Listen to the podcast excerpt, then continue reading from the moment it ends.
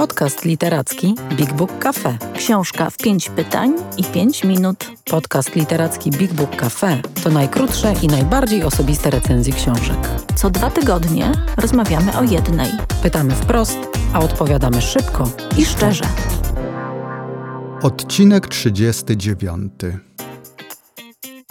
Witajcie w 39. odcinku naszego podcastu Książka w 5 pytań i 5 minut. Ja się nazywam Bartek Kamiński i dzisiaj dopytuję Paulinę Wilk o nowe tłumaczenie Ani z Zielonego Wzgórza. Yeah! Nowy przekład klasyki, który wzbudził, już to wiemy, bardzo wiele emocji. A to choćby dlatego, że nosi ta książka tytuł An z Zielonych Szczytów. No nosi, nosi. Tak, y, ja, ja oczywiście jestem, jak już dałam wyraz, y, wielką entuzjastką nie tylko książek Lucy Montgomery, ale y, nowego przekładu i powrotu Ani, mm, czy też Anne do naszych księgarni. Natomiast Bartek w ogóle nie należy do czytelników takiej literatury i ponieważ jest chłopakiem, to nie ma za sobą tej lektury i po prostu pojęcia zielonego nie ma o fenomenie Ani, czyli Ann z Zielonych Szczytów i on nie będzie odpytywał. Może coś zrozumiesz, Bartek. No właśnie, no to może zacznijmy od początku. Dlaczego powieść Lucy Montgomery zyskała tak kultowy status? Skąd ta jej, tej książki nieprzemijająca popularność? No wiesz, to jest pytanie naprawdę filozoficzne, nieomal, bo Ann z Zielonych Szczytów jest książką Myślę, że naprawdę jakoś e, formującą wiele y, dziewczynek dorastających i taką lekturą lustrem, taką książką, w której my się przeglądamy i znajdujemy siebie bez względu na to, jak jesteśmy w gruncie rzeczy od siebie różne. Przecież mam masę przyjaciółek, dzisiaj już zupełnie dojrzałych babek, które y, nie tyle roztkliwiają się czytając y, opowieść o Anne Shirley, czyli tej dziewczynce z Avonlea, o której Lucy Montgomery stworzyła nie jedną książkę, a cykl powieściowy. I chociaż jesteśmy bardzo od siebie różne, to jakoś znajdujemy siebie w tej opowieści. I teraz czytając ten nowy przekład Anny Bańkowskiej, wydany przez wydawnictwo Marginesy, ja robiłam taką podróż wstecz. Ja czytałam e, Anię z Zielonego Wzgórza, oczywiście jako dziewczynka, czytałam cały powieściowy cykl Montgomery, czytałam te książki również jako osoba dorosła, jak byłam około trzydziestki i wybijało stulecie tej książki to wróciłam do niej, żeby sprawdzić, czy to działa. I pamiętam, że byłam zdumiona, jak wielkie emocje ta książka we mnie wzbudzała, e, kiedy byłam dzieckiem, a w jak skondensowanej formie Montgomery zawarła te wszystkie opowieści, które we mnie tak strasznie silnie żyły przez lata. Wiesz, ja tę książkę bardzo dokładnie pamiętam. Myślę, że każda dziewczynka, która tę książkę czytała i przeżywała, dokładnie wie, o czym mówię, kiedy rzucę tylko hasło krup albo bufiaste rękawy, to są kody, które naprawdę dziewczyny rozumieją. I teraz Skąd to się bierze? Geniusz literacki Montgomery jest niewątpliwy. To jest świetnie skonstruowana opowieść o dziewczynce, która jest nikim, jest brzydkim kaczątkiem, jest niechciana, niekochana, jest sierotą. Jest wyposażona we wszelkie cechy, które potrzeba dziecięcemu bohaterowi literackiemu, żeby móc się rozwinąć. Czyli nie ma nic. Nie ma rodziców, nie ma domu. Jest taką panną nikt w tym sensie, że właściwie nie ma żadnego zaplecza i ponieważ nie ma niczego, to ma gigantyczną wyobraźnię. I to jest jej podstawowa cecha. Poza tym, że ciągle sobie coś wyobraża, to ciągle o tym gada. E, jej gadulstwo i jej fantazja są jej największym bogactwem, które oczywiście my uwielbiamy y, od, od pierwszych stron i które z niej właściwie czyni niezwykle ciekawą kobietę, y, młodą już na stronach tej książki, a dojrzewającą w kolejnych y, częściach tego cyklu. Ale myślę sobie o tym, że teraz, kiedy tę książkę czytałam, w tym bardzo współczesnym tłumaczeniu, to udało mi się zobaczyć, co mnie w tej książce tak bardzo poruszało e, przed laty. I myślę, że to jest bardzo mądra psychologicznie książka o tym, czym jest w ogóle dojrzewanie e, i wychodzenie ze stanu życia teoretycznego, życia wyobrażonego do, do mierzenia się z nim naprawdę, czyli ten taki na ogół bardzo efemeryczny i trudny do uchwycenia stan nastoletniości, e, Montgomery naprawdę przepięknie uchwyciła i co dziwne, w jakimś sensie, co dziwne, to działa, to wciąż działa. No dobrze, czyli y, książka uniwersalna, książka ponadczasowa, opowieść y, sama w sobie, ale y, przechodząc już do samego tłumaczenia, Jakim to jest językiem napisane? Mówisz, że znasz no, nie jedno tłumaczenie tego tekstu. Jakim językiem posługuje się Lucy Montgomery? I mm, no, tutaj pytanie, druga część pytania. Czy ten język jest w stanie dotrzeć, Twoim zdaniem, do dzisiejszych nastolatek? Absolutnie tak. To znaczy i w poprzednich tłumaczeniach, i w tym najnowszym e, działa prostota języka Lucy Montgomery, bo to nie jest książka e, napisana e, z jakąś szczególną stylizacją literacką.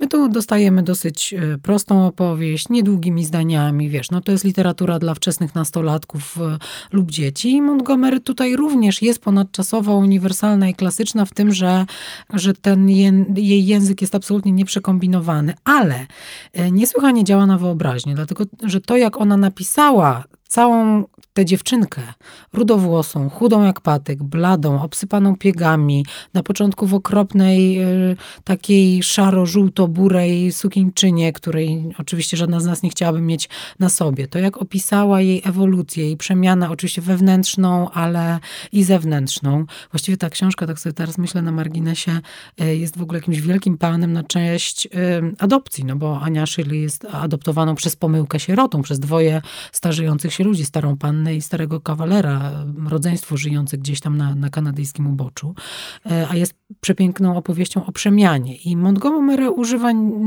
nie powiedziałabym, że niewyrafinowanego języka, bo on jest interesujący dla mnie jako dorosłej osoby dzisiaj, ale na pewno języka pozbawionego jakiejś przesady, e, ale też pozbawionego infantylizacji. I to jest wielka zasługa Anny Bańkowskiej, która w tym e, współczesnym tłumaczeniu nie dość, że utrzymuje wysoką temperaturę, tempo, taką żywotność, tej opowieści, to też no, jednak wyczyściła tę książkę z e, takiego jakichkolwiek oznak słodzenia, upraszczania, takiego patrzenia, wiesz, na dzieci tak pociesznie i z góry. Tego w ogóle nie ma w tej książce. To jest historia dziewczyny, która no, co prawda rozgrywała się 100 lat temu, ale jednak w ich życiu wewnętrznym e, wydarzają się rzeczy, które nie są naiwne, które nie są jakoś, wiesz, retro zupełnie. Więc e, ten język w nowym tłumaczeniu jest dla mnie odczuciem takim, jakby był stąd tu i teraz. No dobrze, mówisz, że przybliżyła ten tekst e, tłumaczka nowej wersji y, dzisiejszej wrażliwości po prostu. To o co wybuchła ta awantura? O co są te przepychanki? Słuchaj, no przede wszystkim awantura jest tak. Ann, nie Ania, nie ma zielonego wzgórza, tylko jakiś zielony szczyt, no i nie ma pokoiku na facjatce. Ja rozumiem, że ty możesz nie rozumieć o co chodzi, ale każda dziewczynka, która przeczytała kiedyś Anię z Zielonego Wzgórza, marzyła, żeby mieć taki pokoik, do którego się wchodzi na facjatkę. Taki mały, skromny pokoik, który zostaje przemieniony. On się przemienia razem z Anią. E, ona go upiększa, ozdabia, e, zmienia też te ozdoby razem z dorastaniem. Jak powiedziałam, to jest dziewczynka, która była znikąd i nie miała niczego, miała potworne, naprawdę bardzo smutne, samotne, pozbawione miłości i opieki życie przez pierwsze 11 lat swojego życia, bo mamę straciła wcześniej, mama umarła na szkarlatynę, a więc szczepmy się, bo są choroby zakaźne, które mogą nas wykończyć. I zresztą Przepraszam za ten może głupi żart, ale żyjemy w czasie pandemii. Wiele dzieci straciło rodziców. Ta książka naprawdę nie jest jakąś opowiastką, wiesz, z urokliwej wyspy księcia Edwarda, która została kompletnie wymyślona. To jest naprawdę książka z rzeczywistości. Więc mamy e, dziewczynkę, która w tym pokoiku na facjatce dorastała i myśmy sobie wyobrażały, jak to jest pod tymi ukośnymi dachami, wyglądać na tę królową śniegu, czyli pięknie kwitnącą wiśnie za oknem w sadzie Marylii e, i Mateusza Myśmy wszystkie na tej facjatce żyły. I teraz to, co zrobiła Anna Bańkowska, to powiedziała tak, kochane, nie ma i nie było żadnego zielonego wzgórza. To jest wymysł polskiej tłumaczki, która przekładała prawdopodobnie z języka szwedzkiego. Zielone szczyty, to jest nazwa architektoniczna. To są po prostu szpiczaste dachy pomalowane na zielono i Gable, Anne of Green Gables bierze się y, właśnie z tych szczytów, czyli po prostu z takiego y, dosyć stromego dachu. I fajnie, mnie to w ogóle nie bolało, jak to przeczytałam. Y, a więc do mnie ten pokoik jest w szczycie, a nie, a nie na żadnym wzgórzu i nie na facjatce. No i Ania y, ma tak naprawdę na imię Ann. I y, Anna Pańkowska tutaj y, proponuje takie wytłumaczenie, które do mnie przemawia, że współczesne dziewczynki żyjące w Polsce doskonale wiedzą, że jak ktoś mieszka w Kanadzie, to ma na imię Ann, a nie Ania, albo ma na imię Rachel, a nie Małgorzata. Więc tłumaczenie tych imion byłoby niedorzecznością w takim zglobalizowanym, wielojęzykowym świecie, w którym no, jakąś tą wiedzę już mamy i nie trzeba myślę, rozszerzając tę filozofię tłumaczenia, nie trzeba pewnych rzeczy upraszczać i w ten sposób e, oswajać dzieciom, które żyją w świecie wymagającym od nich oswajania się z wieloma obco brzmiącymi nazwami. Po prostu chyba mają, myślę, współczesne dzieci dużą większą mm, taką zdolność, żeby przyjąć e, te, te obcojęzyczne nazwy, imiona i żeby niczego dla nich nie przesładzać, nie ułatwiać, tylko pokazywać świat takim, jakim go Lucy Montgomery napisała. Natomiast no, te emocje biorą się przede wszystkim z tego, że myśmy wsadziły serca w tę książkę. Wiele z nas, jestem pewna, zna na pamięć całe sekwencje z tej książeczki, e, bo, bo ta wielka siła emocjonalna tej opowieści działała w te, teraz, działała wtedy i myślę, że, że zadziała e, teraz. W związku z czym no, jest taki odruch, żeby uznać to e, nowe tłumaczenie za zamach na krainę naszego dzieciństwa. A w moim przekonaniu nic takiego się nie stało. E, co więcej, Bańkowska tę te, te y, książkę przetłumaczyła moim zdaniem brawurowo. No dobrze. Ale powiedz, bo y, y, to oczywiście nie jest pierwszy taki przykład, to nie jest pierwsze nowe tłumaczenie klasycznej opowiastki, klasycznej powieści. Tutaj przede wszystkim myślę o książkach właśnie dla dzieci czy dla młodzieży. Czy ona ma szansę się przyjąć? Dlatego, że mm, Wspominam y, tutaj przekład Kubusia Puchatka, czyli e, słynnej Fredzi Fifi, który zdaje się nie wyparł jednak z rynku i ze świadomości współczesnych, nowych czytelników nieśmiertelnego, wspaniałego Kubusia Puchatka i Reny Tuwim. Jak y, widzisz sprawę tłumaczenia An z Zielonych Szczytów w tym kontekście? Ja z tym Kubusiem to jest w ogóle gruba sprawa moim zdaniem, no bo to jest jednak sprawa trochę genderowa. No on się, on, ona, te, te, ten, ten miś nazywa się Winnie the Pooh. Winnie w oryginale to jest właściwie dziewczęce imię, więc to jest w ogóle moim zdaniem wielopiętrowy kłopot. Czy go się da przełożyć na język polski zgodnie ze współczesną wrażliwością dotyczącą tożsamości seksualnej? Mówię zupełnie serio, że to jest jeden z tych wymiarów, dla których y, warto y, rozmawiać o współczesnych tłumaczeniach książek, również książek dziecięcych, no bo przecież to one budują nasze wyobrażenia y, o świecie. Czy An z Zielonych Szczytów się przyjmie?